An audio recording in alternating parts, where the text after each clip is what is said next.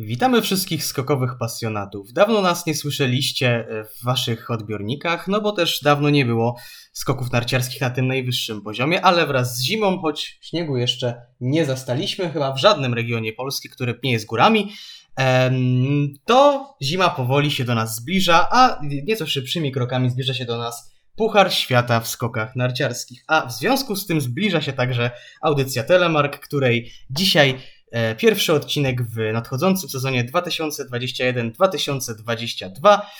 E, ja ze mną oczywiście jest nie kto inny jak Adrian Kozioł. Kłaniam się, kłaniam się nisko. E, no chyba, jak mówiłeś o tym śniegu, to chyba wyglądałeś za okno, nie?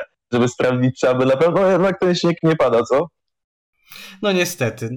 Dla jednych niestety, dla innych stety. Zależy tam od gustu tak naprawdę, co kto lubi.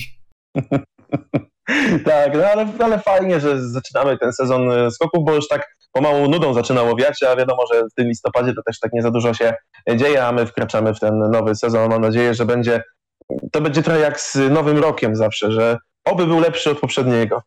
Oj, z tym wianiem, Adrianie, to ostrożnie, bo wykraczasz. Pamiętaj, że zbliżają się skoki. Ja jestem Damian Markowicz, bo chyba się nie przedstawiałem na początku tej audycji. Niemniej możemy ruszać już z pierwszą E, audycją z tego sezonu, która tak naprawdę nie powinna trwać długo, ponieważ skupimy się tutaj głównie na bardzo ogólnikowym podsumowaniu tego, co działo się w skokach narciarskich przez lato oraz naszych spekulacjach na temat nadchodzącego sezonu oraz pierwszych zawodów, które tym razem wyjątkowo, można by powiedzieć, odbędą się nie w Wiśle, a w Niżnym Tagile, ale do tego przejdziemy. E, pierwszym tematem naszej rozmowy, od którego chciałbym rozpocząć dzisiejszą audycję, jest fakt, że ten nowy sezon w pewnym sensie jest też e, przepełniony nowymi nadziejami na to, że wreszcie on będzie normalny, no bo wszyscy wiemy, jak wyglądał poprzedni sezon, jak wyglądała parodia praktycznie co drugim konkursie, kiedy to nie wszyscy zawodnicy mogli startować, a to z powodów e, pozytywnych, a to negatywnych testów, a to fałszywie pozytywnych, jak to było z pewnym utalentowanym, wiecznie młodym, 13-letnim, 27-letnim Klemensem Murańką. No, Dużo o tym można by mówić. Generalnie cały poprzedni sezon to był bezprecedensowy na swój sposób. Miejmy nadzieję, że ten sezon już będzie no, bliższy normalności.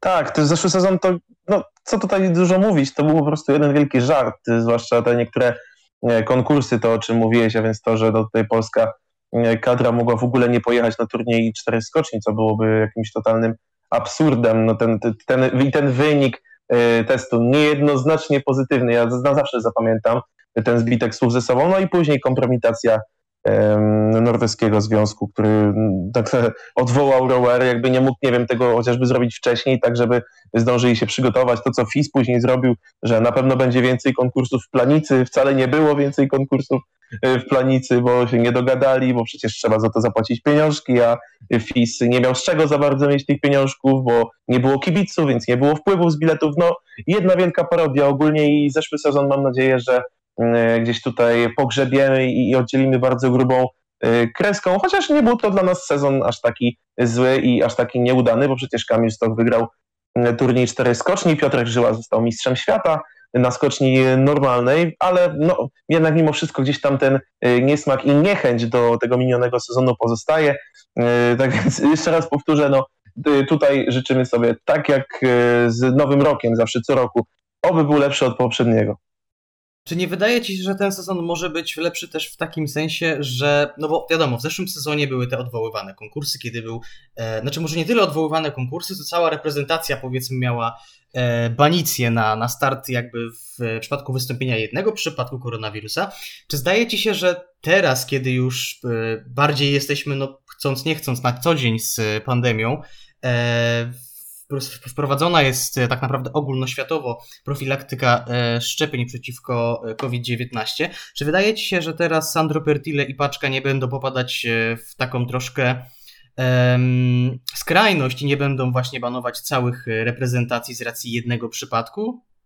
Wiesz co, to jest, ciężko to nazwać, Damian, skrajnością, to jest po prostu paranoja momentami. To, to, to było po prostu śmieszne, a no mówiąc śmieszne, mam raczej na myśli żenujące, bo to jest taki śmiech przez e, łzy, no nie, niepozwalanie skakania zawodnikom, wiedząc, że jest taka sytuacja. No nie były przedsięwzięte odpowiednie środki, nie byli do tego przygotowani organizatorzy w żadnym wypadku. Mieli na to tyle czasu, bo przecież pandemia wybuchła w marcu 2020 roku, chociaż tak naprawdę wybuchła wcześniej, no ale mniejsza o to. No, mieli pół roku, ponad pół roku, jakieś myślę 8 miesięcy na to, żeby się do tego odpowiednio przygotować. Nie zrobili tego. Mm, później w trakcie sezonu gdzieś próbowali to jakoś naprawiać, ale to tak na wariata to, to ciężko cokolwiek. Y, mam nadzieję, że od tego sezonu faktycznie mm, wezmą się w garść i, i, i to ogarną. No przyznam szczerze, też y, przy tej całej krytyce, jaka spada na Sandro Pertile, która jest oczywiście zasłużona, tak, no ale jednak nie miał chłop łatwego debiutu w roli dyrektora generalnego y, Pucharu Świata w skokach narciarskich.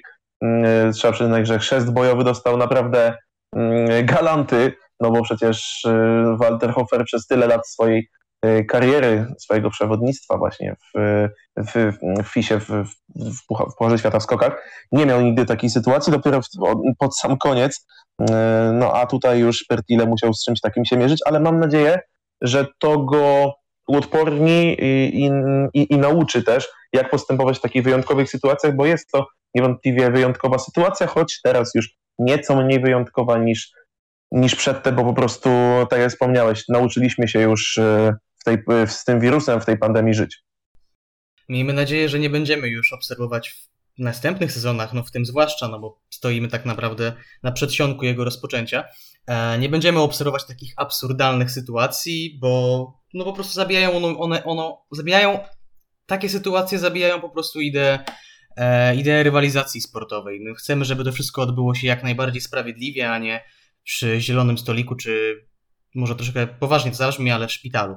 Mm, niemniej, chciałbym tak bardziej retrospekcyjnie przejść teraz do y, następnego segmentu, czyli takiego bardzo ogólnikowego, krótkiego podsumowania lata. Wiadomo, letnie Grand Prix to tak naprawdę każda reprezentacja traktuje jako puchar, puchar treningowy i no ciężko ocenić na podstawie letniego Grand Prix formy naszych reprezentantów czy ich rywali. E, niemniej wynotowałem sobie tutaj kilka nazwisk, na które warto zwrócić uwagę, które powiedzmy można bardziej napisać, zapisać po stronie plusów, że powiedzmy zaskoczyli swoją formą lub trzymają bardzo wysoką formę, ale także po stronie minusów, czyli tych, którzy obecnie troszeczkę dołują albo posługując się tutaj no, nomenklaturą skoków narciarskich lądują na bóle. Jeżeli chodzi o plusy, można, może najpierw zacznijmy od Polaków, tak bardziej patriotycznie. E, jeżeli chodzi o plusy, zanotowałem sobie tutaj dwa nazwiska, mianowicie Jakub Wolny i Jan Habdas. E, Jakub Wolny, który wrócił w zeszłym sezonie po kontuzji i zaczął spisywać się naprawdę solidnie. Mm, lato miał bardzo dobre. E, w pewnym momencie był chyba nawet liderem naszej reprezentacji. Oczywiście reprezentanci Polski nie startowali we wszystkich konkursach letniego Grand Prix, nawet dość sporo odpuścili. E, niemniej Jakub Wolny na ten moment wyrósł na takiego ponownie czwartego do, do, do brydża, można powiedzieć. E, on stracił tę rolę na rzecz Andrzeja Stękały w zeszłym sezonie, teraz na to wychodzi, że, że ją odzyskał. Generalnie Jakub Wolny zdaje się być w życiowej formie. Jakie to będzie miało przełożenie na zimę, zobaczymy, bo różnie już to bywało z różnymi, e, z różnymi skoczkami. Prosty przykład e, Japończyka Kento Sakuyamy, który wygrał letnie Grand Prix, a później w tym samym sezonie w zimę już praktycznie nie istniał. E, zaś jeżeli chodzi o Jana Habdasa, no to to jest tak naprawdę nazwisko, które objawiło się dopiero teraz, bo on co prawda nie miał okazji startować w letnim Grand Prix, e, niemniej startował w letnim Pucharze Kontynentalnym i tam zdobył punkty, tym samym zapewnił sobie prawo do startów w Pucharze Świata.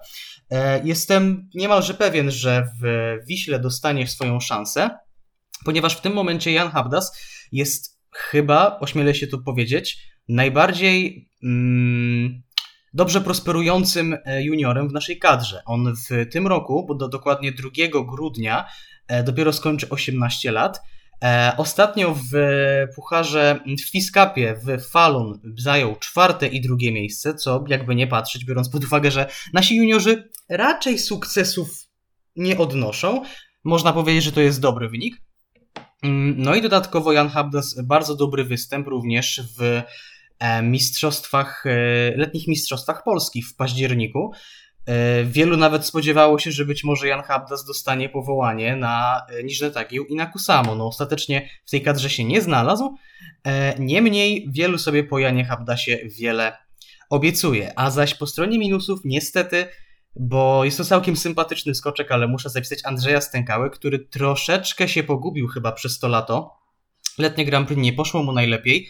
E, no i też na przykład chociażby wyniki Pucharu, e, znaczy Mistrzostw Polski w Zakopanem na, na średniej krokwi HS 105 pokazują, że Andrzej absolutnie w tym momencie nie jest w formie, która uprawniałaby go do startów w Pucharze Świata, ponieważ zajął tam dopiero 15 miejsce, przegrywając, przegrywając chociażby z Szymonem Zapotocznym, czy właśnie z Janem Habdasem, który w tychże mistrzostwach był bodajże szósty ale jednak stękała się w tej e, kadrze znalazł. Do, dokładnie do składu tego mm, naszej kadry na Niżny Tagiu i Kusamo również, bo te składy będą identyczne, jeszcze przejdę, ale nie wiem, co myślisz o tych w sumie już trzech skoczkach? Czy spodziewasz się, że Andrzej Stękała e, faktycznie obniżył nomen omen loty i z powrotem Jakub Wolny będzie tym numerem 4, czy mm, wszystko jak to zwykle bywa, że lato ma małe przełożenie na zimę w przypadku wielu skoczków?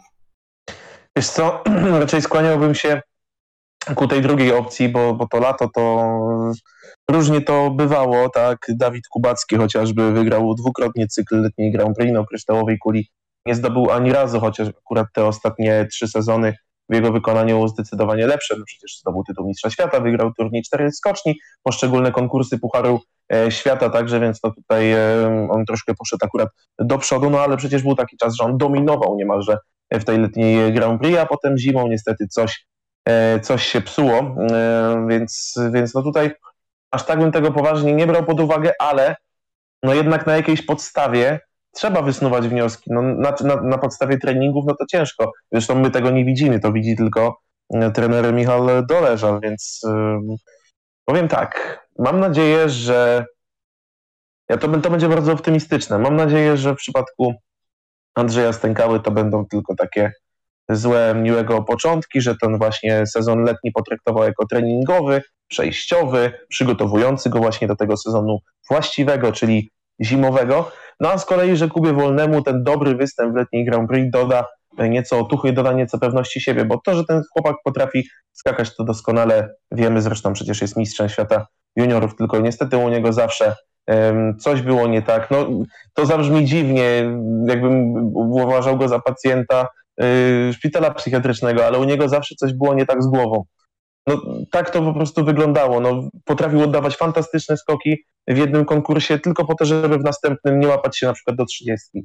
No więc to potwierdza o tym, że to potwierdza to, że umie, że potrafi, że może, że stać go na to, ale niestety ma jakieś bariery psychiczne, które musi po prostu przełamać. To, to, to, co kiedyś miał Dawid Kubacki, że potrafił się doskonale prezentować na treningach, kwalifikacjach, a potem przychodził konkurs i był tak zwany worek ziemniaków, tak? czyli Dawid się zbijał wysoko, wysoko i nagle, i nagle spadał. Akurat u Kuby Wolnego tego nie ma, ale po prostu jest to, że on e, potrafi oddać fantastyczny skok tylko po to, żeby następny zepsuć. Miewał konkursy, gdzie mm, spinał się i, i no, to chociażby to czwarte miejsce w Wickershon bodajże w, w roku 2019 e, na lotach, no ale też przeplatał to jakimiś fatalnymi występami, gdzie w ogóle nie był w stanie się do pięćdziesiątki zakwalifikować.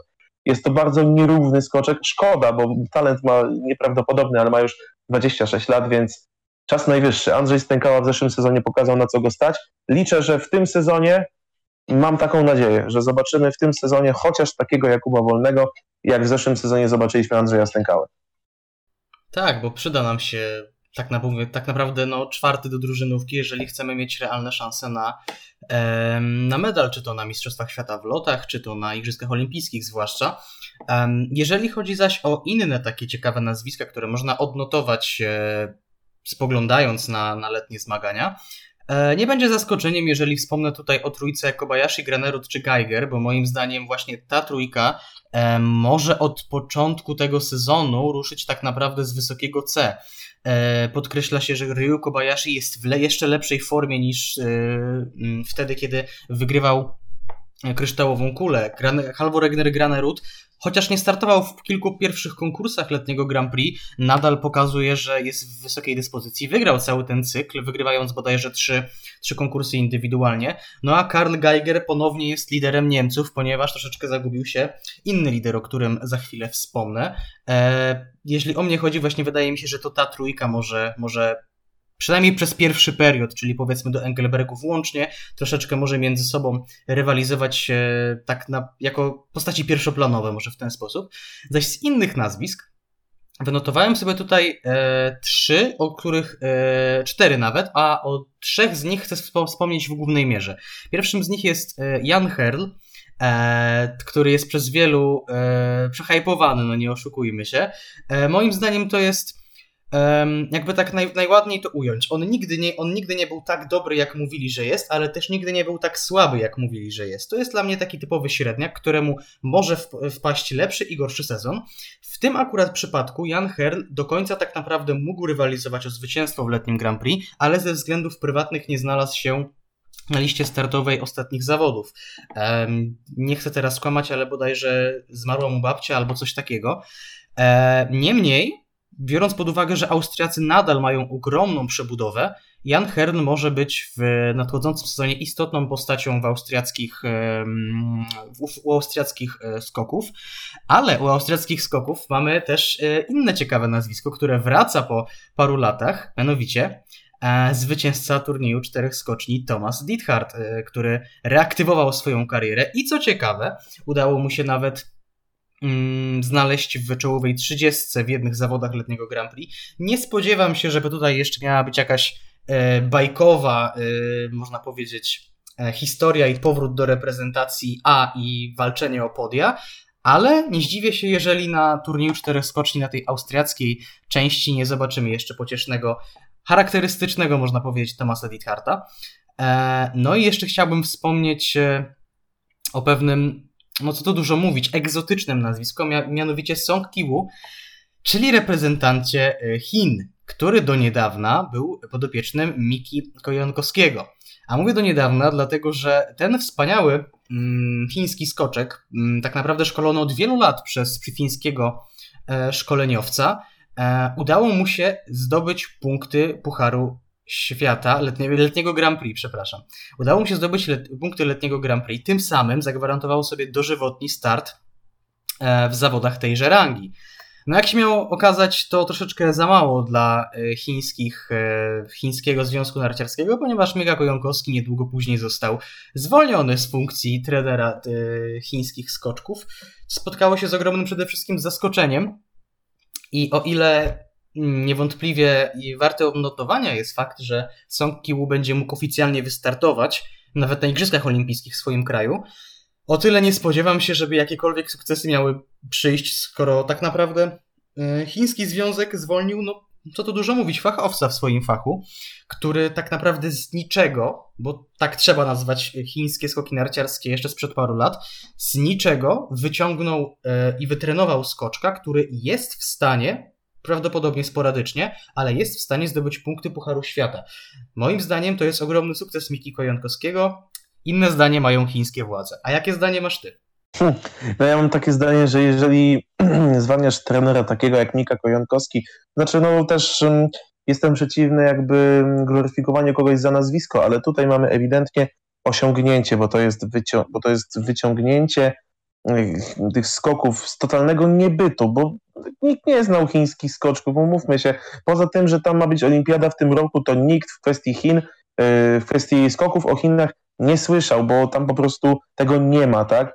A tutaj przychodzi Mika Kojonkowski, wielkie nazwisko w skokach, to nie ulega w ogóle y, wątpliwości. Najpierw trener Finów, potem Norwegów, zrobił y, kapitalne reprezentacje z, z obu tych krajów tak naprawdę. Przychodzi do Chin, Oczywiście, pewnie dostawał ciężkie pieniądze, no ale jednak hej, coś takiego kosztuje, tak, zatrudnienie takiego szkoleniowca, ale on nie dostawał tych pieniędzy za nic, bo tak jak mówisz, zrobił zawodnika, który być może będzie w stanie w przyszłości zdobywać punkty Pucharu Świata. Oczywiście, jeśli mądrze poprowadzi swoją karierę i, i tam będzie kolejny jakiś dobry szkoleniowiec, a nie, a nie ktoś tam, wiesz, jakiś, jakiś lokalny szkoleniowiec, bo, bo, bo czarno to widzę, albo jakieś właśnie zapomniane nazwisko typu, nie wiem, Wasiabajs na przykład, czy coś takiego, bo, bo wtedy po prostu nie widzę tego zupełnie. Mm, no więc moim zdaniem Chińczycy, mm, mówiąc kolokwialnie, strzelili sobie w stopę i to w sezonie igrzysk. Zobaczymy, jak to się potoczy. No, ja nie wróżę im żadnych sukcesów, jak już mówiłem, ale może mnie zaskoczą. E, I ostatnim skoczkiem, na którym chciałem zwrócić pozytyw, uwagę w tym pozytywnym sensie, to jest Władimir Zograwski, któremu udało się nawet teraz być na podium letniego Grand Prix w pojedynczym konkursie w ostatnim, w ostatnim letnim Grand Prix. E, ale zważywszy, że to jest jednak Władimir Zograwski i różne historie z tym skoczkiem bywały, raz miał mm, tak naprawdę odrodzenie swojej formy, raz był żenująco słaby, to tutaj się wstrzymam od specjalnej gloryfikacji, ale warto po prostu odnotować, że skakał bardzo przyzwoicie jak na siebie w letnim Grand Prix. A co do minusów, tutaj mam ich mniej. E, o Stękale już wspomniałem, ale mam jeszcze czterech skoczków, którzy moim zdaniem są warci e, odnotowania in minus. Jednym z nich e, jest na przykład Bor Pawlowicz, który przecież zwłaszcza końcówkę sezonu miał e, bardzo dobrą. E, też wyrósł tak naprawdę znikąd, zdobył e, podium albo nawet podia Pucharu, zawodów Pucharu Świata ale wie, jeśli wierzyć plotkom, Bor Pawlowicz w tym momencie się strasznie pogubił. Troszeczkę może mm, taki kasus, y, czy to Timiego Zajca, czy Domena Preuca. Generalnie Słoweńcy mają talent do marnowania swoich talentów, nomen omen. A innym takim e, zawodnikiem, który również troszeczkę się pogubił, jest Giga Jelar, który skądinąd e, był przez siebie typowany ostatnio na zwycięzcę turnieju 4 skoczni. Teraz ma, teraz ma chyba jeszcze mniejsze szanse na, na końcowy triumf. W każdym razie e, Słoweńcy troszeczkę też taką przemianę, jeśli może nie tyle pokoleniową, co przemianę w, w szeregach, można powiedzieć, pewnie przerobią na początku sezonu w kilku kolejnych konkursach. E, w lekkim dołku jest również Markus Eisenbichler, aczkolwiek on jest na tyle doświadczonym skoczkiem, że wydaje mi się, że on w nadchodzącym sezonie jeszcze wróci do, do formy, która będzie upoważniała go do tego, żeby um, no, mógł, móc stawać na podium pucharów, zawodów Pucharu Świata. Ale skoczkiem, o którym chcę powiedzieć nieco więcej, jest e, no, niewątpliwie legenda skoków, która, która jednak ta legenda w tym momencie troszeczkę um, jakby to powiedzieć, pracuje na własną niesławę, mianowicie Noriaki Kasai, 49-letni, w przyszłym roku będzie miał 50 lat, a Japończyk dalej deklaruje, że chce skakać. I z tego co wiem, nie tylko e, do tych czy następnych igrzysk, ale do bodajże roku 2030. On będzie miał wówczas 58 lat.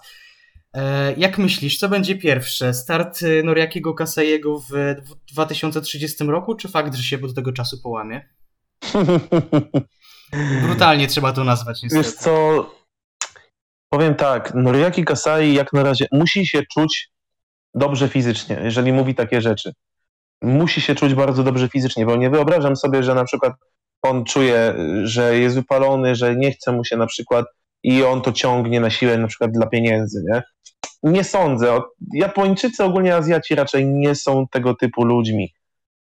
Wydaje mi się, że on po prostu czuje jeszcze, że na coś go stać, czuje w sobie jakieś tam pokłady e, energii, tylko musi sobie też zdawać sprawę z tego, że ciało im jest starsze, tym już jest mniej odporny na te obciążenia, które umówmy się, no w skokach są po prostu gigantyczne, już nie tyle podczas samych skoków, co podczas treningów, przecież tych skoków wtedy trzeba oddać więcej, też te treningi poza skocznią są dosyć ciężkie i tam też są duże mm, obciążenia, no i po prostu wydaje mi się, że dla własnego zdrowia, dobra, powinien najpóźniej po tym sezonie, co jest teraz, będzie zakończyć karierę. I tak 50 lat to jest, Matko Boska, cudowny wiek, żeby jeszcze w tym wieku mm, być w stanie uprawiać zawodowo sport, tak.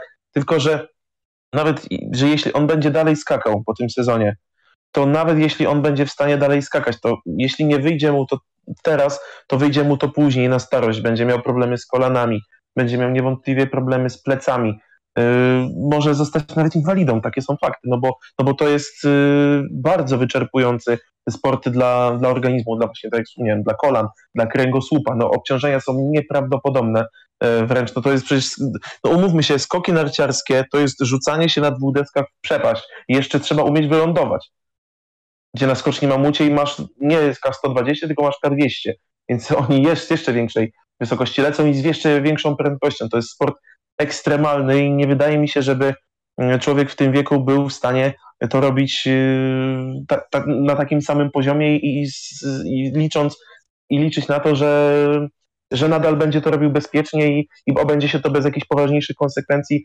dla jego zdrowia. Już pal 6 to, że on nie potrafi zejść ze sceny i jakby ustąpić miejsca młodszym, no bo um, umówmy się, no jeśli byłby lepszy niż ci młodzi, którzy są, no to dlaczego mają dostawać miejsce tylko za to, że są młodsi, tak? To jest jakby druga, inna para kaloszy zupełnie, ale no chodzi tutaj już o, o zdrowie. Powinien o to Japończyk zadbać, zwłaszcza, że jeśli się nie mylę, to dwa lata temu chyba został ojcem i to po raz pierwszy, więc na pewno chciałby pobawić się jeszcze ze swoim, y, ze swoim synem, no a nie wiesz, a nie później, no żeby nie było później problemów y, z jego zdrowiem, żeby ten, no, ten Kasai junior, że tak powiem, też wychowywał się szczęściu, a niewątpliwie już Kasai Noriaki w sensie osiągnął tyle na, na skoczni, ma tak bogatą historię, myślę, że no, nie ma człowieka, który słyszał o skokach i nie zna nazwiska Noriaki Kasai. To jest moim zdaniem coś, co już wystarczy.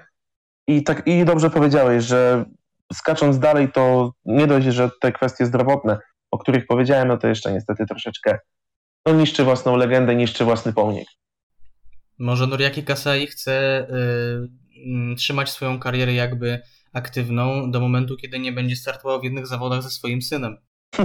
No to będzie ciężko, bo to mówię, ten syn ma może ze dwa lata, jakoś tak. Oj, nie, nie, doceniasz, nie doceniasz Noriakiego. Zresztą Kasai się, się ożenił też w sumie niedawno i później, później te narodziny syna. Yy, no tak, no przecież, ale no wydaje mi się, że Japończyk troszeczkę ześwirował, yy, dlatego że on powiedział w jakimś tam wywiadzie jednym, drodzy słuchacze, ja, ja, jeśli mi nie uwierzycie to, co teraz powiem, no to możecie to sprawdzić. Yy, Japończyk sam powiedział, że on chce skakać do śmierci, a to już uważam za szaleństwo. No miejmy nadzieję w takich okolicznościach, że chce być, chce być dobrze zrozumiany, że będzie w takim razie skakał jak najdłużej. Tak, też mam, takie, też mam taką nadzieję, ale no mam nadzieję, że sam też dojdzie do, do wniosku, że, że jednak warto, warto zejść ze sceny i nie chodzi o to, żeby ustąpić miejsca młodszym, ale przede wszystkim z szacunku do, do, samego, do samego siebie i do własnego zdrowia. No i to nie jest też pierwsza historia jakby w historii reprezentacji Japonii, kiedy tak naprawdę utytułowany mniej czy, czy bardziej skoczek po prostu przyciąga swoją karierę, chociażby e, Kazuyoshi Funaki czy Takanobu Okabe, z tym, że oni bardziej lokalnie w tym momencie, nawet do tej pory startują, a Noriakiemu chyba jeszcze marzy się autentycznie wyjazd na mistrzostwa czy, czy igrzyska. Zostawmy już pociesznego mm, tak naprawdę weterana skoków. Miejmy nadzieję, że wszystko z nim w porządku będzie i, jest teraz także oczywiście. My bardziej o tym sezonie, który przed nami i który zbliża się wielkimi krokami, opowiemy po krótkiej przerwie muzycznej.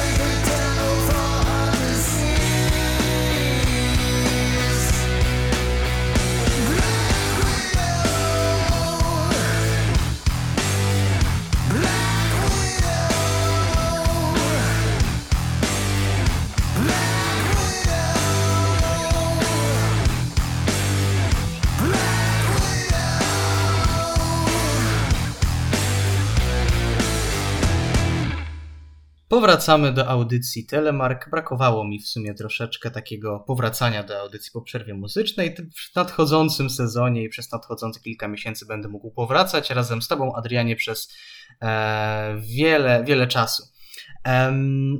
Drugi segment, e, czyli jakby dalej spekulujemy nad tym, co się wydarzy przed i w trakcie nadchodzącego e, sezonu. Drugi segment chciałbym rozpocząć od e, sprawy Kamila Stocha, który w maju przyszłego roku będzie miał 35 lat, będzie 35-latkiem.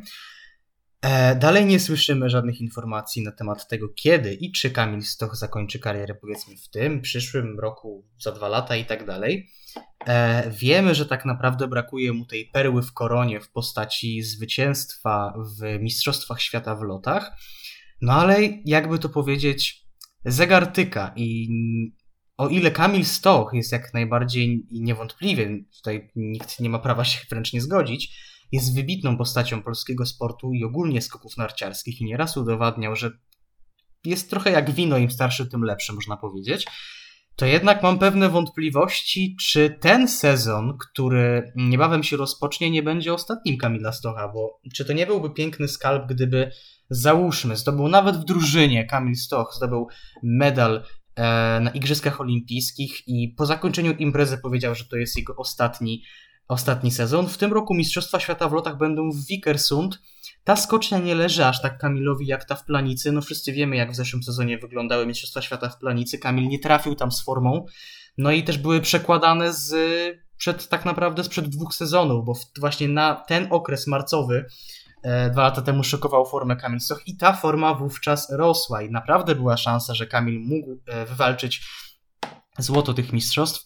No teraz takich e, nadziei, szczerze mówiąc, nie mam, a tym bardziej oczekiwań. No też dziwne, żebym od e, takiego zawodnika, jakim jest Kamil Stoch, cokolwiek jeszcze więcej oczekiwał, ale zastanawia mnie i tutaj poddaję pod dyskusję ten temat, czy to być może nie jesteśmy świadkami rozpoczęcia się ostatniego sezonu Kamila Stocha w jego karierze.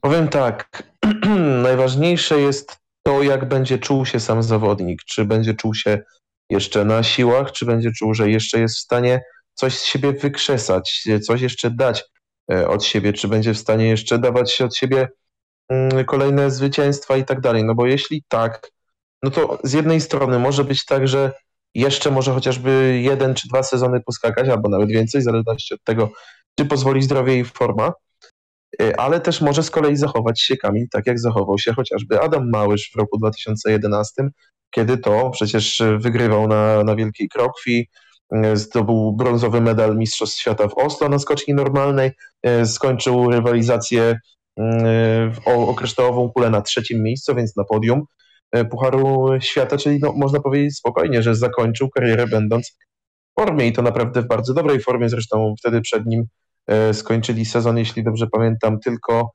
mm, Thomas Morgenstern. On był wtedy zdobył kryształową kulę, a drugi nie pamiętam, kto był akurat wtedy. Czy to był Gregor Schlierenzauer, czy to był Mm, Simona. No w każdym razie no, tylko, tylko dwóch zawodników było od niego lepszych. Morgenstern na pewno zdobył wtedy kryształową kulę. To pamiętam doskonale, zresztą Morgenstern wtedy to chyba turniej cztery skoczni wygrał i też um, i też um, Mistrzostwo Świata na skoczni normalnej, więc, więc to, był, to był jego sezon zdecydowanie. Kurczę, ja bym Oczywiście, chciał jak najdłużej Kamila oglądać, bo to jest y, no, nasz, najlep- no, to jest nasz najlepszy zawodnik w tej, w tej dekadzie i w tej y, minionej, myślę także. I, i, I takich zawodników po prostu się uwielbia oglądać, no bo przecież kto nie pamięta jego fantastycznych skoków, lotów, e, nawet e, na wszystkich skoczniach w zasadzie świata. E, trzy, trzykrotnego złotego medalu na, na, na Igrzyskach Olimpijskich, Mistrzostwa Świata, chociażby w Val di Fiemme.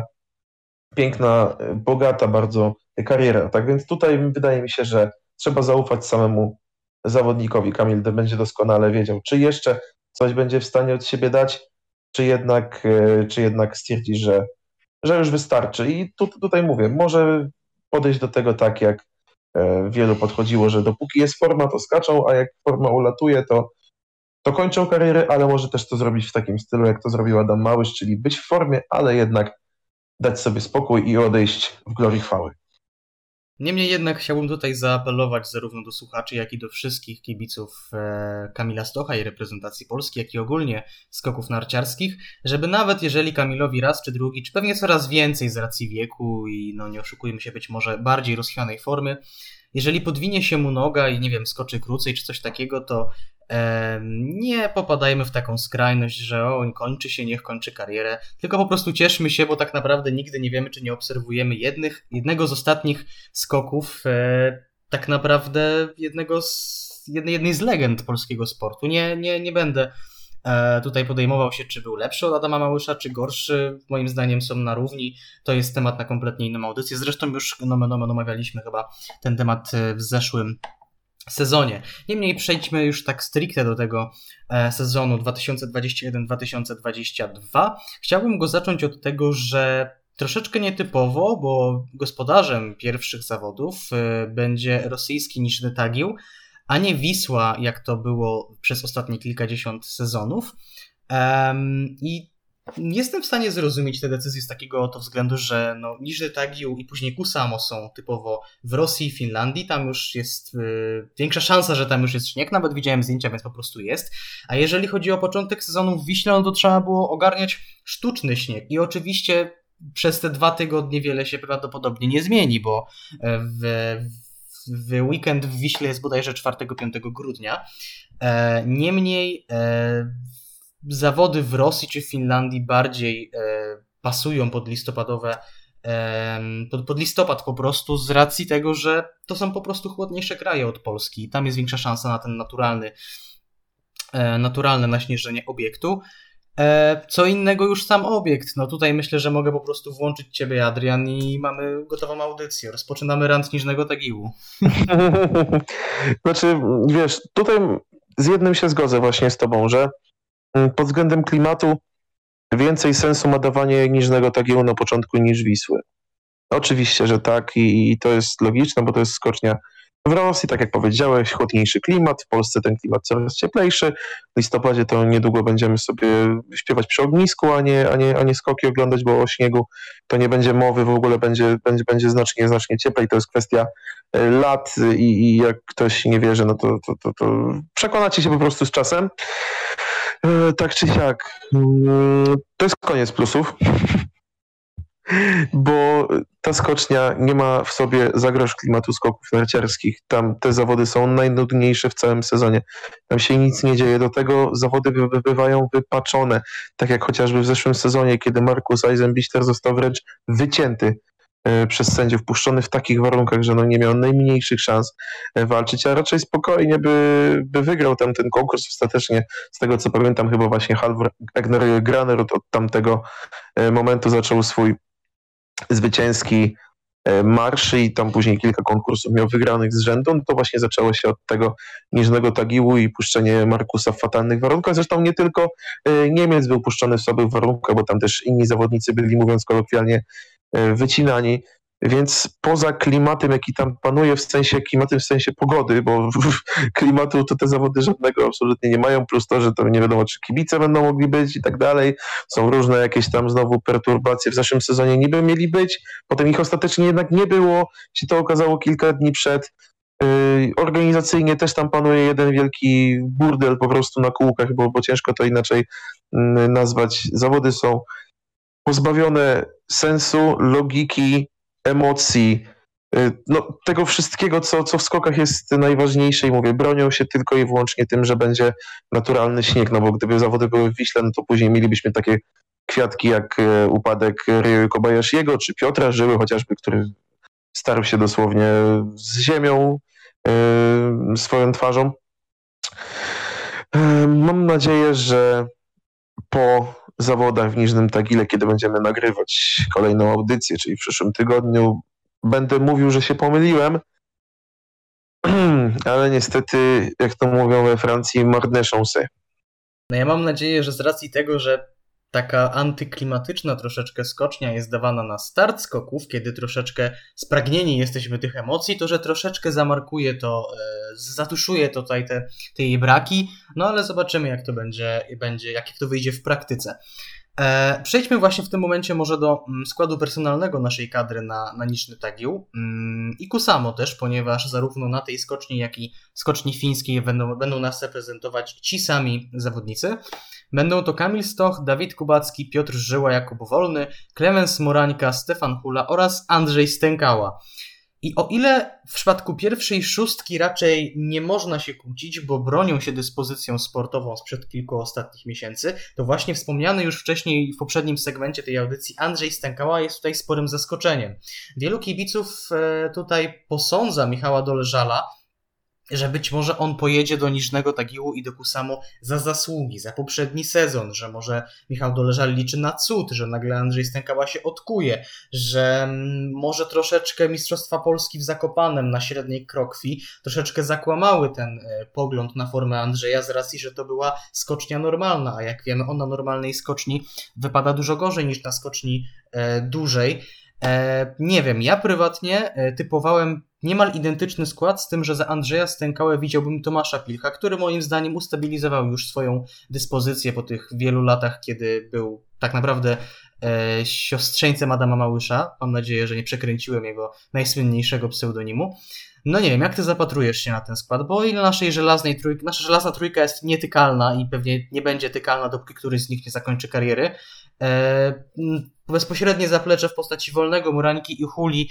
E, każdy z nich ma jak największą szansę i może nawet obowiązek zapunktować, ale Andrzej Stękała to jest dla mnie tutaj spora niespodzianka. To nie było nawet naj, najsłynniejsze określenie, to było naj, największe osiągnięcie Tomasza Pilcha w karierze, że jest siostrzeńcem Adama Małysza, tak, to się wszystko e, zgadza, to o czym powiedziałeś. Mm, powiem tak, Andrzej Stękała. Michał Doleżal wie, no zapewne wie jeszcze więcej niż my. Widzi to wszystko, bo no, ma poukładane w głowie ten gość i udowodnił to chociażby w zeszłym sezonie. I on też wie, że na przykład jeśli zawodnik ma ze sobą udany sezon, no bo bardzo udany sezon ma ze sobą Andrzej Stękała, nie ulega to wątpliwości. Dobre występy, medal Mistrzostw Świata mm, w lotach oczywiście. Tutaj nagle jeszcze podium nam wyskoczyło w Zakopanem. No, no najlepszy sezon ma za sobą. Y, I po takim sezonie, gdzie już uwierzył pewnie we własne możliwości, tak nagle jest spadek formy, no to myślę, że gdyby tutaj od początku sezonu był skreślony przez, y, przez Michała Doleżala, no to to mógłby być taki cios nokautujący troszkę dla, taki, dla tego typu zawodnika, bo pamiętamy, że Andrzej Stękała też miał swego czasu problemy y, właśnie z psychiką, tak? Dlatego też tyle dlatego nie było, bo po prostu kompletnie się pogubił i myślę, że myślę, że Michał Doleżal o tym doskonale wie i nie chciał tego robić temu zawodnikowi. I też sam chce mieć spokojną głowę, no bo na przykład to, są, to jest kadra na dwa konkursy. Jeśli w tych dwóch konkursach, um, znaczy konkursu będzie więcej, jeśli w tych dwóch miejscowościach E, Andrzej Stękała nie pokaże, że na coś go jednak stać, że ta forma gdzieś uleciała, no to wydaje mi się, że już y, po Wiśle, no bo jeszcze na Wisłę na to mamy, mamy krajówkę, więc wtedy możemy mieć większy limit.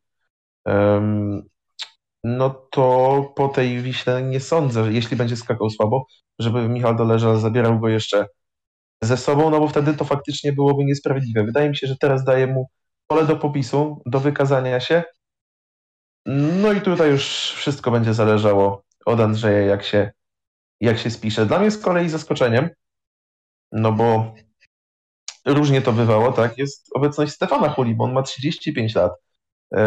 I jeszcze cały czas gdzieś w tej kadrze się, nie, nie powiem że tak brzydko, że miota, ale no gdzieś to jeszcze e, cały czas jest. No, z jego dyspozycją bywa różnie, tak, on wiadomo, że pewnego poziomu już nie przeskoczy, mm, no i nie wiem, no jest to dla mnie zaskoczenie, że on tutaj się pojawił, no bo wiadomo, latem sobie skakać dobrze, ale zima to jest e, zima, ale no też za bardzo nie wiem, kogo bym miał w jego miejsce wstawić, więc ta kadra, która jest, która jest na ten moment, wydaje mi się ok, no mówię, co do Huli stękały może lekkie wątpliwości, ale mam nadzieję, że te wątpliwości obaj panowie nam rozwieją już w najbliższy weekend.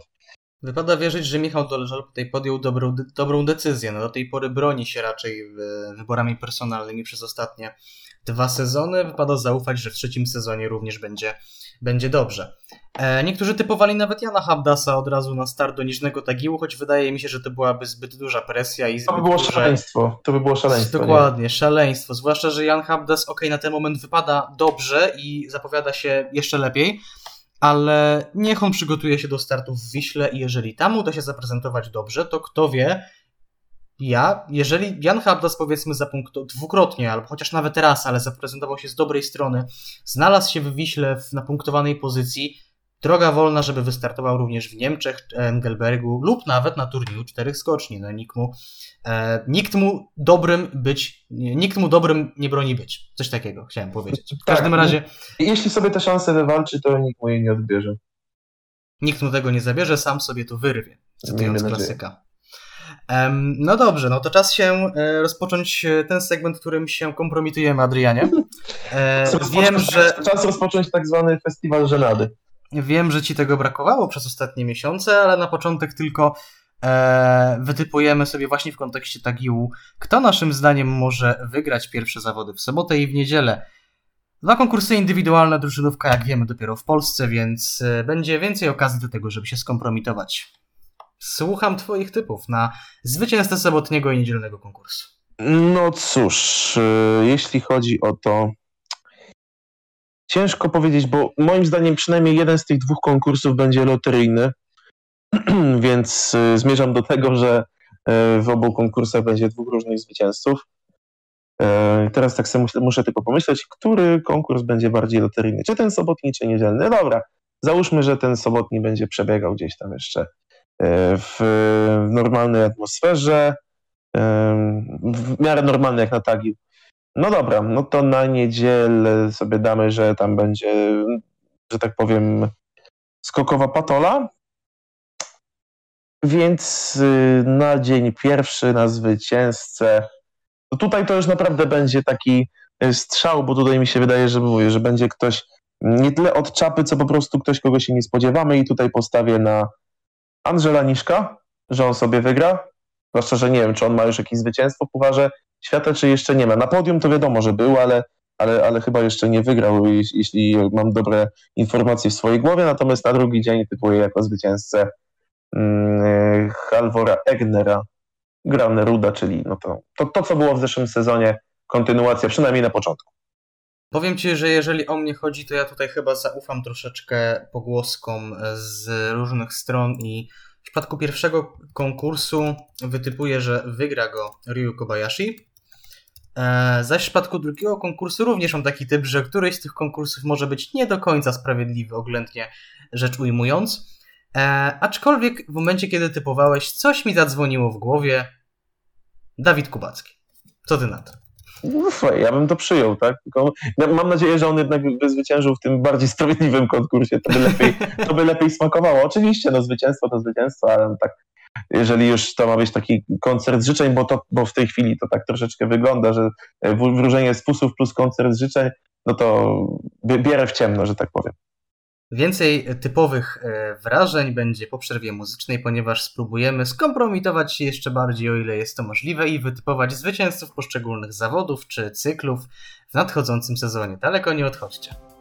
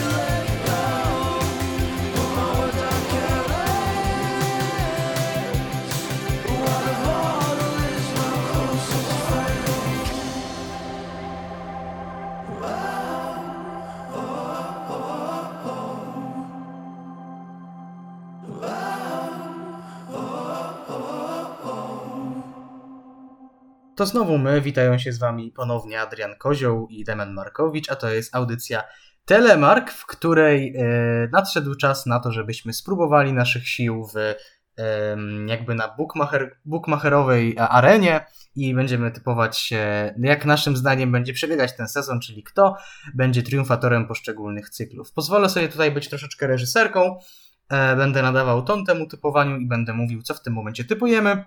Wówczas, Adrianie, słucham Twojego typu, no i następnie ja podaję swój. A więc e, zacznijmy może, może sobie mm, top 10 klasyfikacji generalnej Pucharu Świata zostawimy na koniec. Z racji, że to jest główny cykl, zdecydowaliśmy się na e, top 10, a nie tylko triumfatora. A przejdziemy do, e, na początek do pierwszego i jakby nie patrzeć jeszcze najbardziej prestiżowego cyklu w sezonie Pucharu Świata, czyli do turnieju czterech skoczni. A więc zamieniam się w słuch, Adrianie. Kto Twoim zdaniem w sezonie 2021-2022 zostanie triumfatorem turnieju czterech skoczni? Więc tak, w tym sezonie przewiduję jednak mniejszą niespodziankę niż przewidywałem w zeszłym, bo, bo jednak to było za odważne. E, chociaż też może to być niespodzianka dla wielu, ponieważ Niemiec zaraz będzie 20 lat tym, e, w, w tym sezonie minie 20 lat, od kiedy właśnie e, przedstawiciel e, Niemców ostatni raz zwyciężył w turnieju czterech skoczni. Mowa tu oczywiście o Svenie Hanawaldzie, ale ja także typuję Niemca, konkretnie Karla Geigera. Dlaczego? Bo w turnieju czterech skoczni niezwykle ważna jest równość. To znaczy nie chodzi tutaj o jakieś poglądy polityczne, tylko o to, żeby równo skakać, żeby oddawać równe skoki. Akurat Karl Geiger takim równym zawodnikiem jest. On jeśli coś się dzieje, to zazwyczaj na tej przeględnej Bergizel, gdzie, tak jak wielu mówi, można bardzo dużo zyskać, ale jeszcze więcej stracić. No, gdyby nie te słabsze jego skoki na Bergizel, no to kto wie, może już y, teraz mówilibyśmy o nim jako o byłym triumfatorze turnieju czterech skoczni, no ale wydarzyło się inaczej. No ale wydaje mi się, że ten sezon może być tym, gdzie w końcu Niemcy doczekają się swojego triumfatora. Przypomnijmy, że oni czekają dłużej na, na, na zwycięzcę niż y, Norwegowie, niż Finowie, którzy przecież teraz w ogóle nie istnieją tak naprawdę y, w skokach, niż, niż Czesi, Austriacy, Polacy, y, Słoweńcy, tak? No więc no, no, Niemcy tutaj już są naprawdę wypuszczeni i wydaje mi się, że no, może w końcu ta klątwa, no bo tutaj już jest 20 lat, zaraz będzie, że ta klątwa może w końcu zostanie przełamana. Nie powiem, że mam taką nadzieję, bo nie mam żadnego interesu w tym, żeby kibicować e, Karlowi Geigerowi, a zwłaszcza Niemcom, ale no, takie po prostu mamy przeczucie, jak się już bawimy, to się bawimy. Y, moim zdaniem z kolei, biorąc pod uwagę, że ten prestiżowy skalp w postaci Złotego Orła mają już na swoim koncie Kamil Stoch, Kamil nawet dwukrotnie, czy Dawid Kubacki, mi wydaje się, że do tego pociesznego grona dołączy najbardziej pocieszny z naszych reprezentantów, czyli Piotr Żyła. Bardzo bym przyjął taki scenariusz, w którym mamy trzech króli ze złotymi orłami.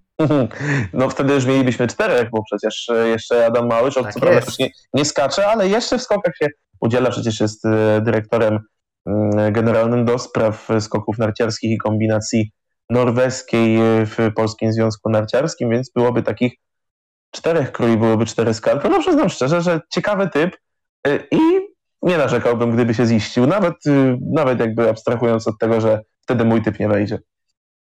No dobrze, przejdźmy teraz do imprezy, która próbuje być bardziej prestiżowa niż turniej czterech skoczni. Na razie moim zdaniem nieutolnie, czyli rower. E, tak naprawdę nie wiemy, czy odbędzie się cały rower, bo to już wiadomo, przez ostatnie kilka lat to różnie z tym bywało, zwłaszcza w tym sezonie, który został brutalnie przerwany przez covid e, W każdym razie moim zdaniem Mm, w tym nadchodzącym sezonie e, rower padnie łupem Ryoyu Kobayashiego, który nie powiem, że będzie dominatorem tego sezonu, ale będzie naprawdę moim zdaniem w ścisłej czołówce i wydaje mi się, że rower może właśnie paść jego kosztem. On już chyba ma jedno zwycięstwo w rower, co się zgadza, czy nie? Eee, na podium był na pewno, ale zaraz to zweryfikuję. W międzyczasie słucham twojego typu. Mhm, okej, okay, okej, okay, okej. Okay. Więc tak, e, jeśli o to chodzi. No tutaj ciężko jest, no bo tutaj też trzeba skakać równo i to już tak bardzo równo, jako od linijki, bo tam, jeśli dobrze pamiętam, 16 skoków się liczy. Jakoś tak, więc no E, tutaj 16 skoków, e, 16 skoków liczyło się do tej pory. Teraz nie jestem pewny, czy przypadkiem drużynówka już nie jest, nie będzie Mhm. chyba już uwzględniana, tak ale nie mam pewności, więc wolę nie mylić. Tak czy siak tych skoków jest mnóstwo, tu wchodzą w grę kwalifikacje i tak dalej, a przecież losowość warunków, skaczemy na powietrzu, tutaj naprawdę przewidzenie przy takich e, dłu- długich cyklach, jeszcze dłuższych, dwa razy prawie dłuższych niż turniej czterech skoczni, jest no bardzo trudne do, do jakiegokolwiek przewidzenia i konia z rzędem, jak, jak komuś się uda, ja przewiduję tutaj Stefana Krafta, który już tę imprezę wygrywał oczywiście, i też jest bardzo równym zawodnikiem. On też poniżej pewnego poziomu nie schodzi. Oczywiście ten zeszły sezon był inny dla niego, no, był bardzo trudny, zwłaszcza do pewnego momentu. Przecież miał COVID, później te powikłania pokowidowe, miał bardzo osłabiony organizm, długo potem nie potrafił przez to dojść do formy. Przegapione Mistrzostwa Świata w lotach, turniej czterech skoczni też, ym, tak, też tak, tak to u nie- u niego wyglądało. No, no było po prostu źle. No ale później nagle Mistrzostwo Świata zdobyte na dużej skoczni w, w, w Oberstdorfie, więc no, przyznam szczerze, że, że zaskoczył w tej końcówce sezonu Austriak i jeśli będzie skakał tak, jak skakał przed mm, tymi swoimi właśnie powikłaniami zdrowotnymi w związku z COVID-em, tam też problemy z plecami miał swego czasu, jeśli będzie w 100% zdrowy i, i utrzyma formę, w, w jakiej był w stanie być, no to tutaj no jego bym typował, że, że ma największą szansę ku temu, żeby to rower wygrać. Aryu Kobayashi wygrał rower w roku 2019 i właśnie to No, sprawdziłem. dobrze mi się wydawało. Tak, tak, bo w 2020 Kamil Stoch. E, przechodząc dalej, zdecydowałem się tutaj na uwzględnienie małej kryształowej kuli, czyli łączonej klasyfikacji generalnej tylko i wyłącznie za skocznie mamucie. E, I tutaj na początku również typowałem Ryo Kobayashiego, zważywszy na to, że pod koniec sezonu jest dużo mamutów, więc skoro typowałem rower, to być może Kobayashi również pociągnie prawem serii i wygra parę mamutów, znaczy konkursów na skoczniach mamucich. Jednak po dłuższym zastanowieniu zdecydowałem się wytypować Stefana Krafta. A ty? Mała kryształowa kula, tak?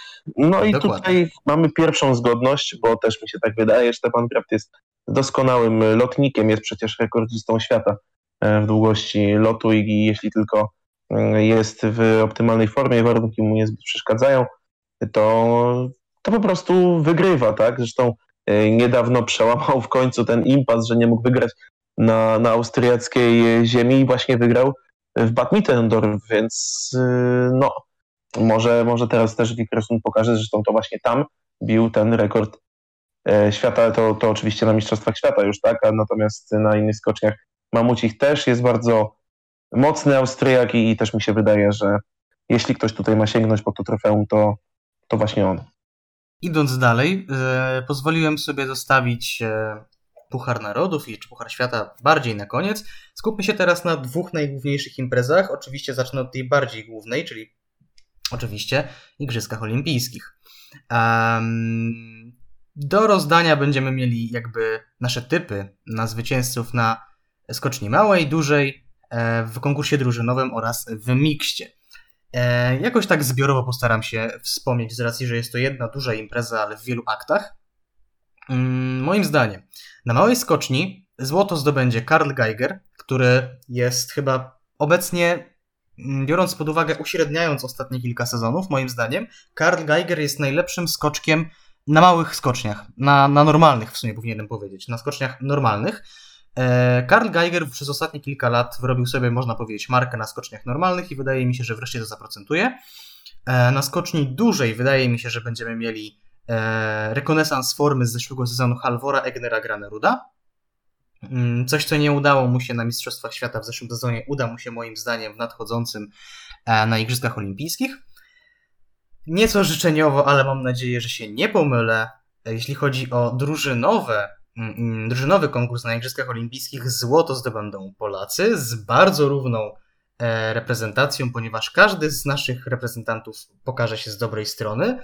E, A jeśli chodzi o mixed, e, nie mogę uchodzić za eksperta kobiecych skoków, aczkolwiek wydaje mi się, że tutaj do tego momentu już Markus Eisenbichler może dojść do swojej optymalnej formy i to Niemcy zgarną złoto w tej konkurencji. Jeśli chodzi o mnie, no to z jedną rzeczą się zgadzamy, do tego przejdziemy za chwilę.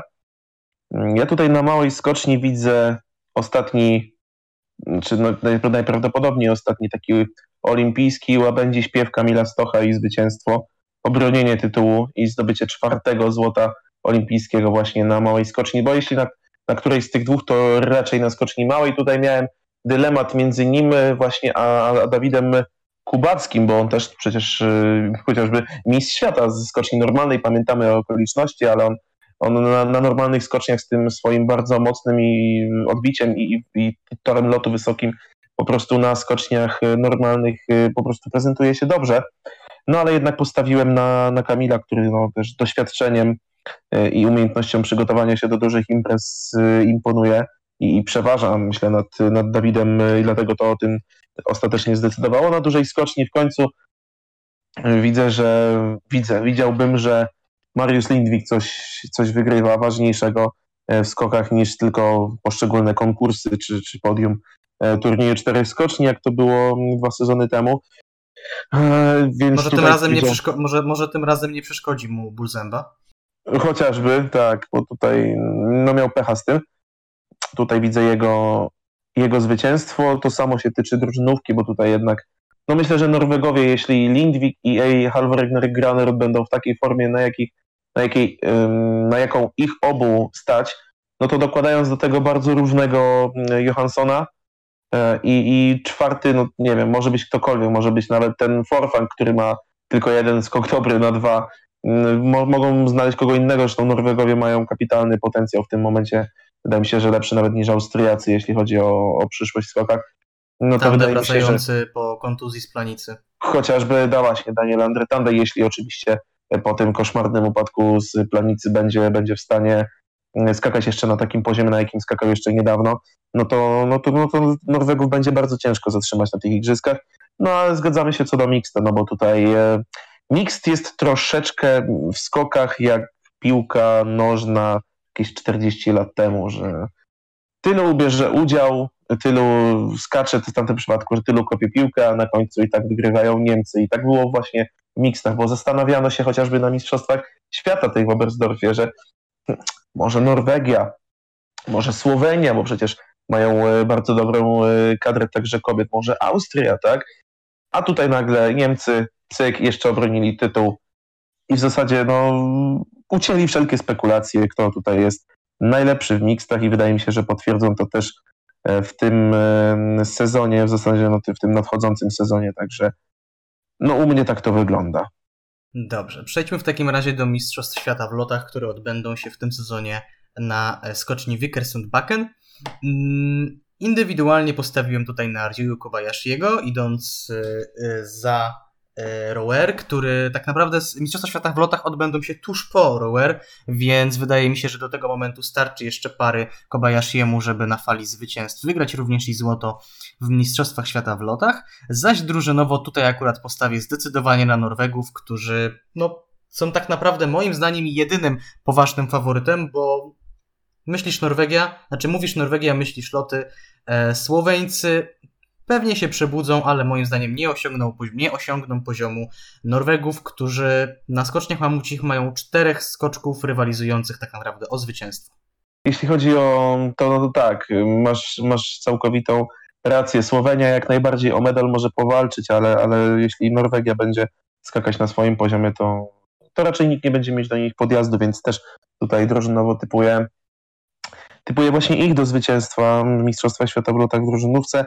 Indywidualnie też tutaj jednak stawiam na Norwegię i Halvora Egnera Graneruda, który no, w zeszłym sezonie no, ledwo co przegrał z tym Karlem Geigerem, a później jeszcze dołożył mu w drużynówce, no bo Karl Geiger no, przez ten swój e, skok nieco słabszy nie zrobił punktów za, za HS, za belkę dodaną, tak, pamiętamy to, no i tam ostatecznie Niemcy przegrali złoty medal z no, Norwegami, E, no a Halvor Graner tak naprawdę na tych mistrzostwach świata no, to się rozkręcał ze skoku na skok i wydaje mi się, że teraz będzie chciał pokazać, że no jednak wtedy to on zasługiwał i jeśli będzie tak nakręcony jak w zeszłym sezonie, to, to może mu się to udać. Zostawmy Puchar Świata na sam koniec. Teraz e, przejdźmy do wytypowania zwycięzcy Pucharu Narodów, czyli coś, w czym re- reprezentacja Polski może nie specjalizowała się, ale była wreszcie poważnym graczem. biorąc pod uwagę to, to, jak to wyglądało wcześniej, jak to wyglądało przez ostatnie kilka sezonów. E, moim zdaniem, mimo wszystko, Norwegia, bo jak już mówiłem, jest w stanie skleić czwórkę najbardziej równych zawodników, z których każdy może w pewnym etapie być na podium, w pewnym etapie sezonu być chociaż raz na podium, albo nawet wygrać. E, pozostałe reprezentacje aż takiego komfortu moim zdaniem nie mają, dlatego dosyć bezpiecznie typuję Norwegów. Tak, jest to co prawda bezpieczne, ale jednak no, logiczne też, prawda? No bo, no bo jednak e, no, to, o czym mówisz, Norwegowie mają bardzo równych zawodników. Oni na, początek, na początku sezonu wcale nie muszą błyszczeć, bo my pamiętamy, że w tych sezonach, kiedy wygrywali, to nie było tak, że oni od razu wygrywali e, pierwszy, od pierwszych zawodów wszystko. Raczej to było tak, że powoli się rozkręcali, ale jak już się rozkręcili, no to byli nie do zatrzymania, jeśli chodzi o Puchar Narodów, dlatego tutaj też e, typowałbym na zwycięstwo Norwegów, czyli daje im taki troszkę hat-trick, jeśli o to chodzi, no bo typuje ich na mistrzów świata drużynowych, mistrzów olimpijskich, e, mistrzów świata w lotach oczywiście, drużynowych mistrzów olimpijskich, no i jeszcze na zwycięzców Pucharu Narodów. No tak, taki to widzę sezon, zwłaszcza, że no, a o tym powiemy za chwilę, dlaczego właśnie widzę Norwegów tak wysoko, czyli na pierwszym miejscu. Dokładnie. E, został nam więc tylko Puchar Świata i proponuję dokładnie tak, jak to było mniej więcej rok temu, e, typować na zmianę od miejsca 10 do 9. Chcesz e, czynić honory i rozpocząć? Tak, ja bardzo chętnie zacznę.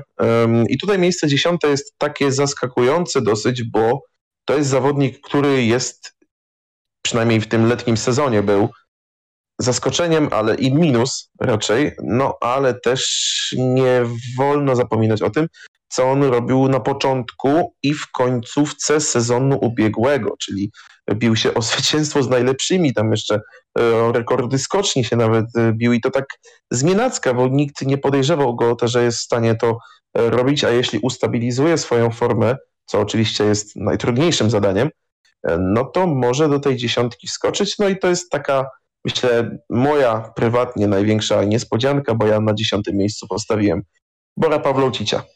U mnie na miejscu dziesiątym e, znalazł się e, skoczek, który tak naprawdę e, zdarzało mu się e, zdobywać podia Pucharu Świata. Nie jestem pewny, ale być może nawet wygrał pojedyncze zawody, ale tutaj nie mam pewności.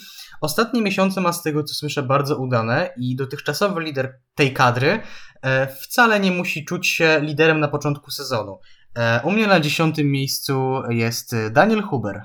Daniel Huber, no też interesujący wybór, taki bym powiedział taka ciut lepsza wersja Jana Herla, bardziej stabilna. Dobrze, miejsce dziewiąte, słucham.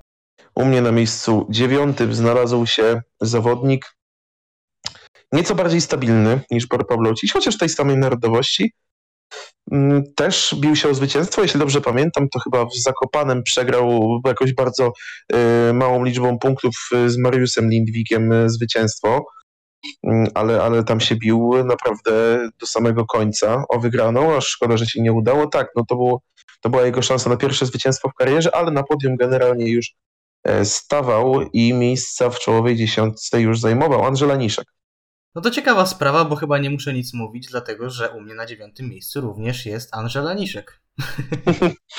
No to widzisz, w tym sezonie mamy większ, już większą zgodność, trzykrotnie większą zgodność niż w zeszłym sezonie, bo jeśli, jeśli się nie mylę, to w zeszłym sezonie na żadnej pozycji nie mieliśmy tych samych zawodników e, i, i różniliśmy się też we wszystkich typach e, imprez poszczególnych czy, czy, czy turniejów cyklicznych, więc już teraz jest y, ta zgodność trzy razy większa. Nie, nawet, mam, nadzieję, że, mam nadzieję, że to nie jest prognostyk tego, że nadchodzący sezon będzie bardziej przewidywalny. nie, nie. Na, znaczy nawet nie trzykrotnie większa, bo wtedy się zgadzaliśmy zero razy, a trzy razy zero to wciąż zero. Yy, po prostu o trzy. O trzy więcej.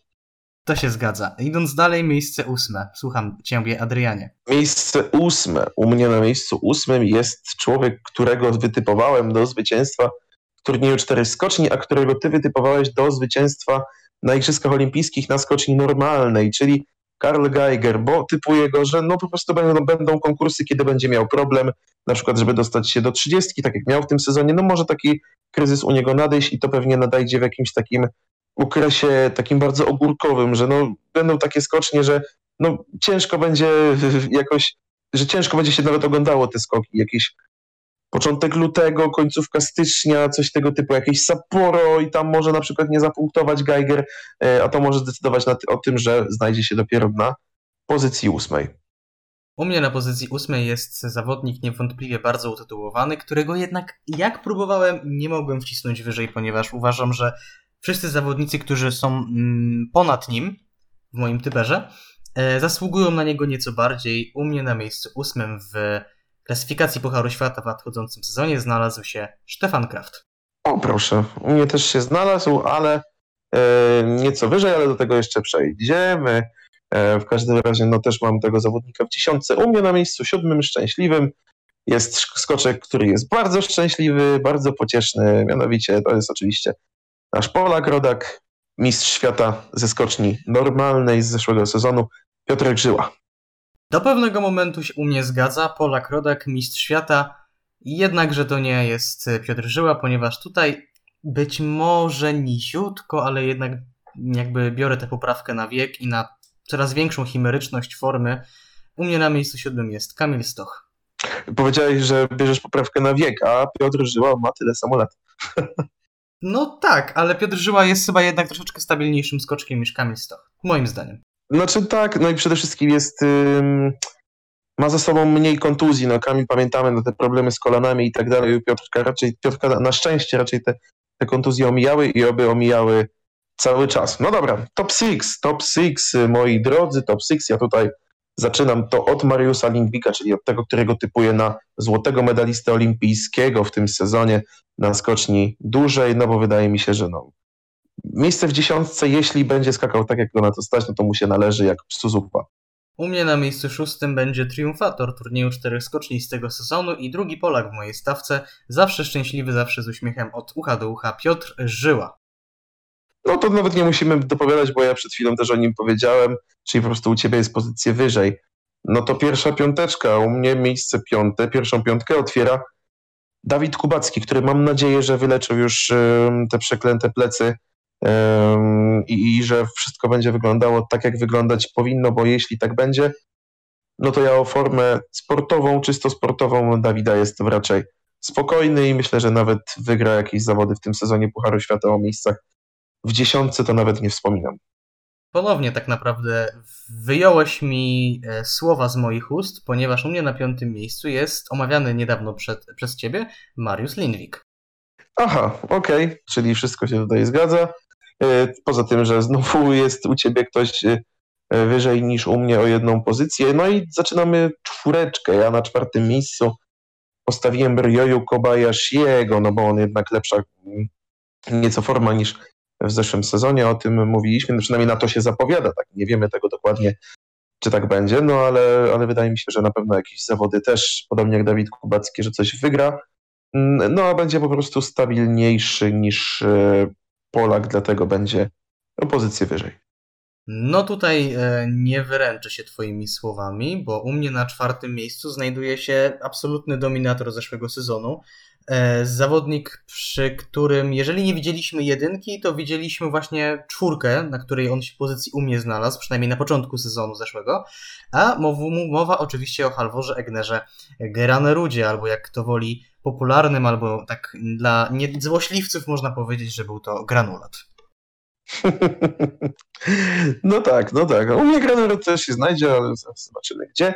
E, Top 3, moi drodzy, podium, podium, e, a to podium u mnie otwiera zawodnik, o którym też niejednokrotnie dzisiaj mówiliśmy, zawodnik słynący na przestrzeni ostatniej, myślę nawet dekady, e, z niezwykle równych skoków, z tego, że rzadko kiedy zalicza jakieś wpadki, kompromitacje, no chyba, że jest to konkurs noworoczny w Karmisch-Partenkirchen, e, gdzie zawsze ma problemy i przez to nie może potem walczyć o zwycięstwo w turnieju czterech skoczni, bo tam zawsze jakieś chyba imprezy się odbywają nocne.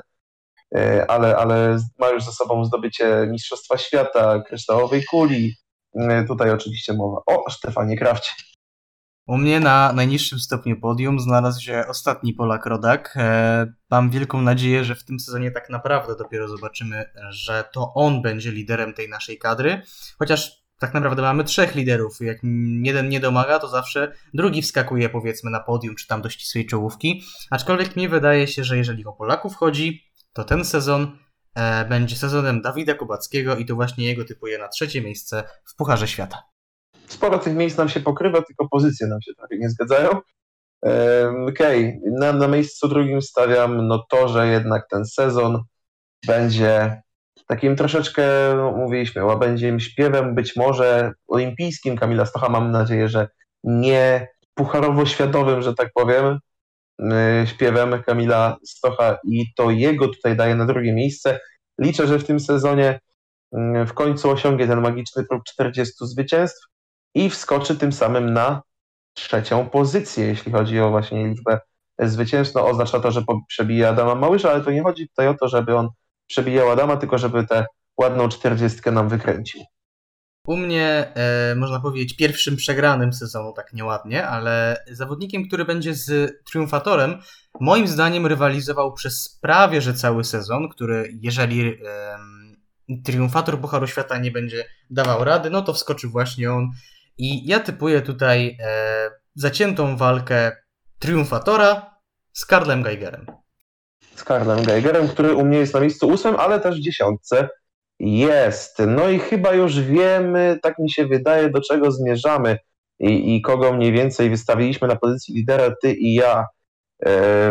No bo ja, nie będę tutaj za za ciebie mówił, powiem za siebie, no ja na mm, pozycji tego, który broni kryształową kulę, już się zdradziłem, że, że broni e, Halvor Graner, tego, jego tutaj widzę, co mnie przekonało, to, co nie przekonało mnie w przypadku Jakuba Wolnego, czyli letnie Grand Prix. E, No, wystartował, powygrywał trochę, pokazał, że jednak ciągle jest e, mocny i jeśli tylko podtrzyma dyspozycje z zeszłego sezonu, te automatyzmy, te mechanizmy, no to po prostu może nie być na niego mocnych, dlatego tutaj stawiam właśnie Halvora Egnera, Graneruda. Ja być może troszeczkę naiwnie wierzę tym wszystkim spekulacjom, że jest jeszcze lepszy niż w swoim sezonie, kiedy to zdominował całą stawkę. Aczkolwiek wydaje mi się, że będzie to drugi rok, kiedy jako triumfatora Pucharu Świata, za, za triumfatora Pucharu Świata będziemy mogli e, uznać w marcu po zawodach e, ostatnich e, po prostu Ryu Kobayashiego. Czy tak będzie, przekonamy się już za kilkanaście miesięcy.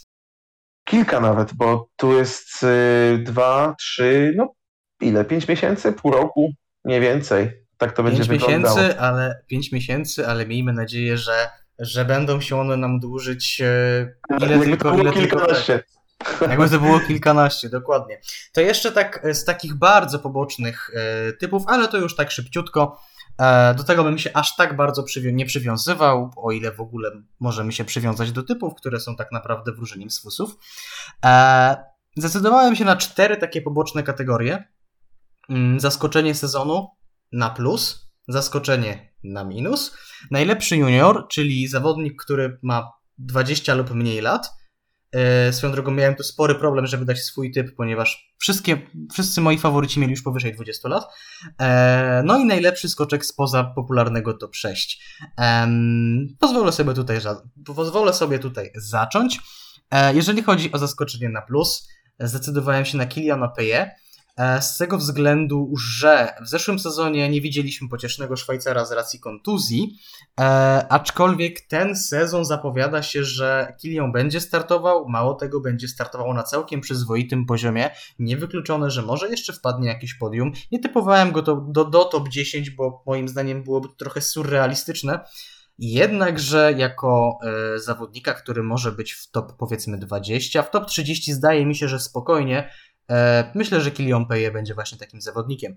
To dobra, to, teraz może spasuję i pozwolę tobie się wypowiedzieć odnośnie zaskoczenia Inplus. Mhm, więc tak, no z Kylianem Payerem jeszcze się tutaj spotkamy w moim zestawieniu, ale nie konkretnie w tej kategorii, e, bo w zaskoczeniu In Plus widzę jednak to, że no tutaj może ten Jasiek Herl w końcu się jakoś przełamie i to nie chodzi o to, że jakoś na to liczę, bo nie przepadam za nim specjalnie, uważam, że jest nieco przehypowany, ale no jeśli nie po takim, no co by to mówić, dobrym sezonie w letnim e, Grand Prix, ma już 23 lata, zaraz będzie 24 na karku. Jeśli nie teraz, no to kiedy, panie e, Janie, tak by się chciało zapytać.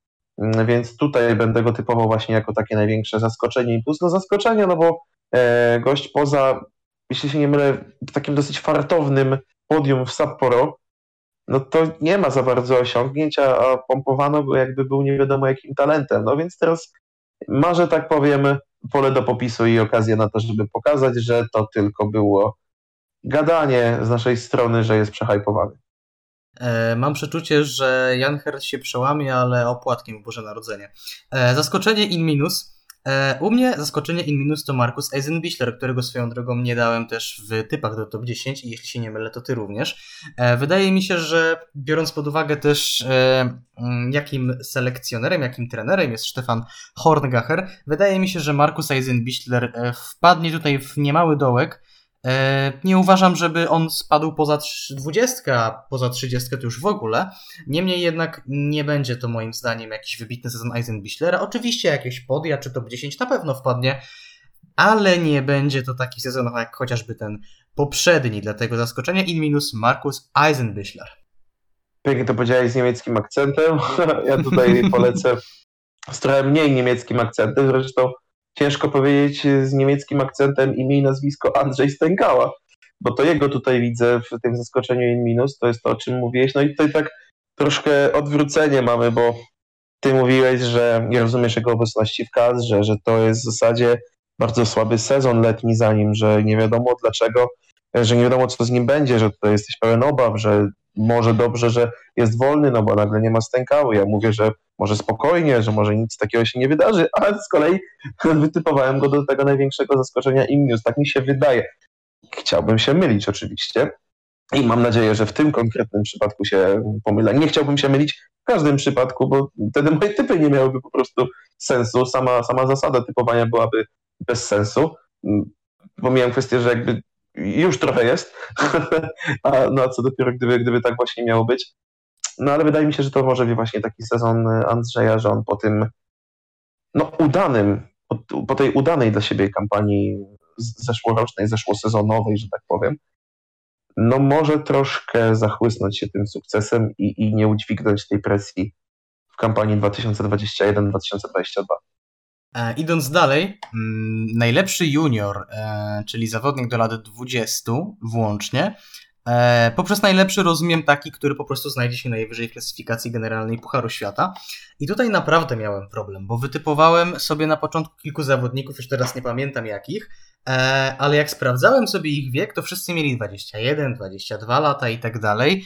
Ostatecznie znalazłem mm, kandydata takiego bardzo nieoczywistego, ale moim zdaniem, biorąc pod uwagę, jak przemeblowywana cały czas jest e, reprezentacja Słowenii i jak e, tak naprawdę właściwie co każde zawody możemy oglądać inne, inne zestawienie, wydaje mi się, że trochę znikąd może wskoczyć do tego, do tego składu Rock Mazle i wydaje mi się, że może wskoczyć nie tylko do składu, ale również do czołowej trzydziestki Pucharu Świata, jak to już robił Timmy Zajc czy Domen Preutz w przeszłości. No to jest ciekawy typ na pewno, ale jeśli no, faktycznie chłopak ma taki talent... Yy, Powiem jakiś- tak, pow- powiem tak, przerwę ci tu jeszcze. Liczba roków w repre- reprezentacji Słowenii musi się zgadzać. Tak, bo skoro rok Justin, nazywany także rokiem Justinem, e, zakończył karierę, no to musi przyjść kolejny. No tak, no więc no, liczymy, że, że chłopakowi się uda, na pewno mu tego życzymy. U mnie tym najlepszym juniorem do 20, czyli do 20 lat y, zawodnikiem, który będzie najlepszy, ja tutaj sugerowałem się kryteriami podobnymi jak ty.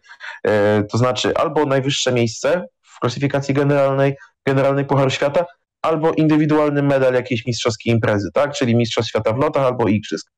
E, no Wiadomo, że to jest raczej średnio możliwe, no ale już historia nie takie przypadki e, widziała, no chociażby, ty dobrze pamiętam, 16-letni, e, mm, chciałem powiedzieć wokalista, medalista Igrzysk Olimpijskich, to nie Nieminen chociażby.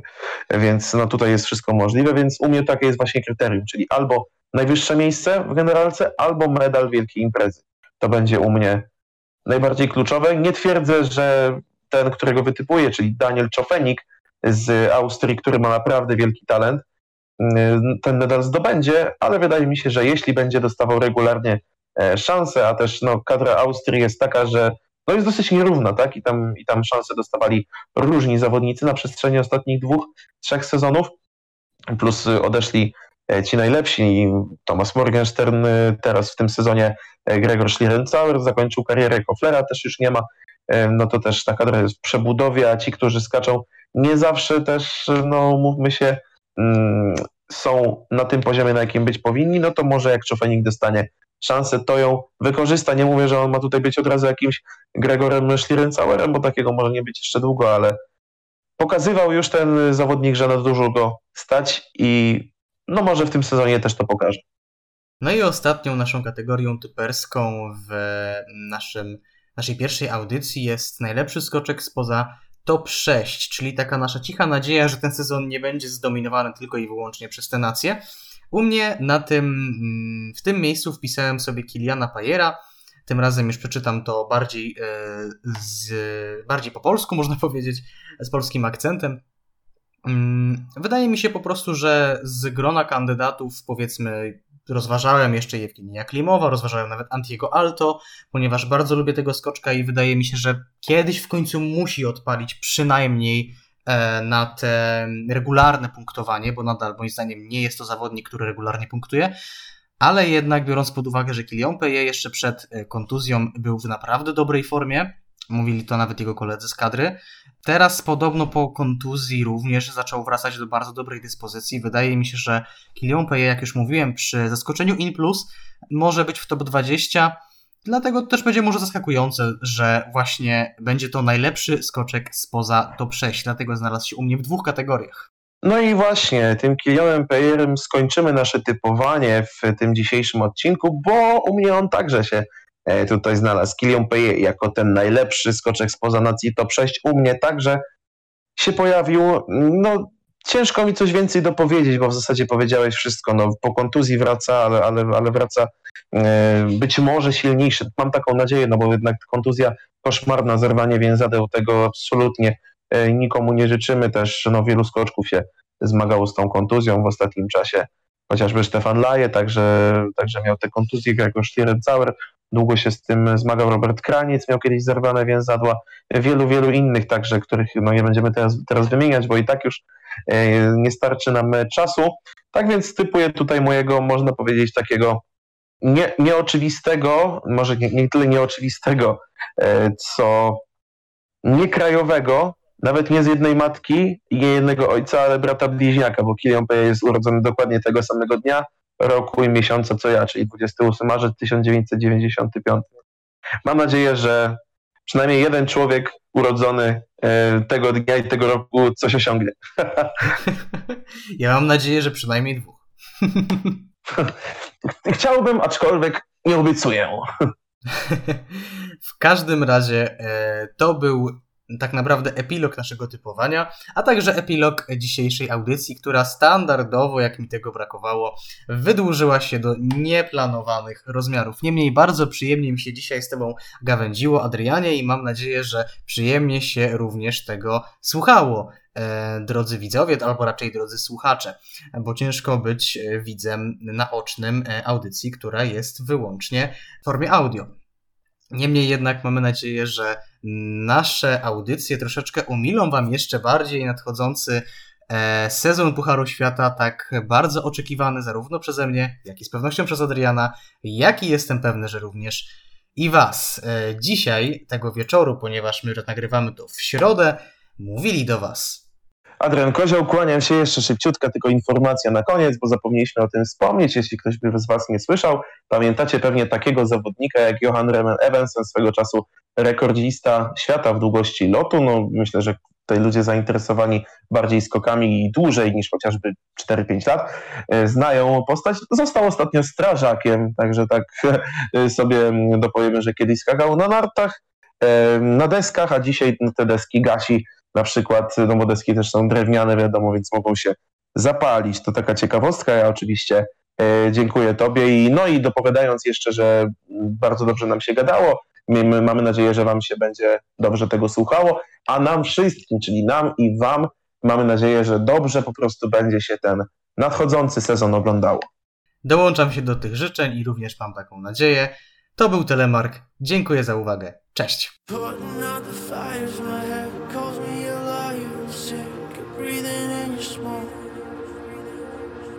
Believe a little longer, embrace a little harder. Yeah, every time we're not wrong, it's like we're walking on water. Oh, too good to last long. Putting out the fires and looking for a miracle. It's like we're walking on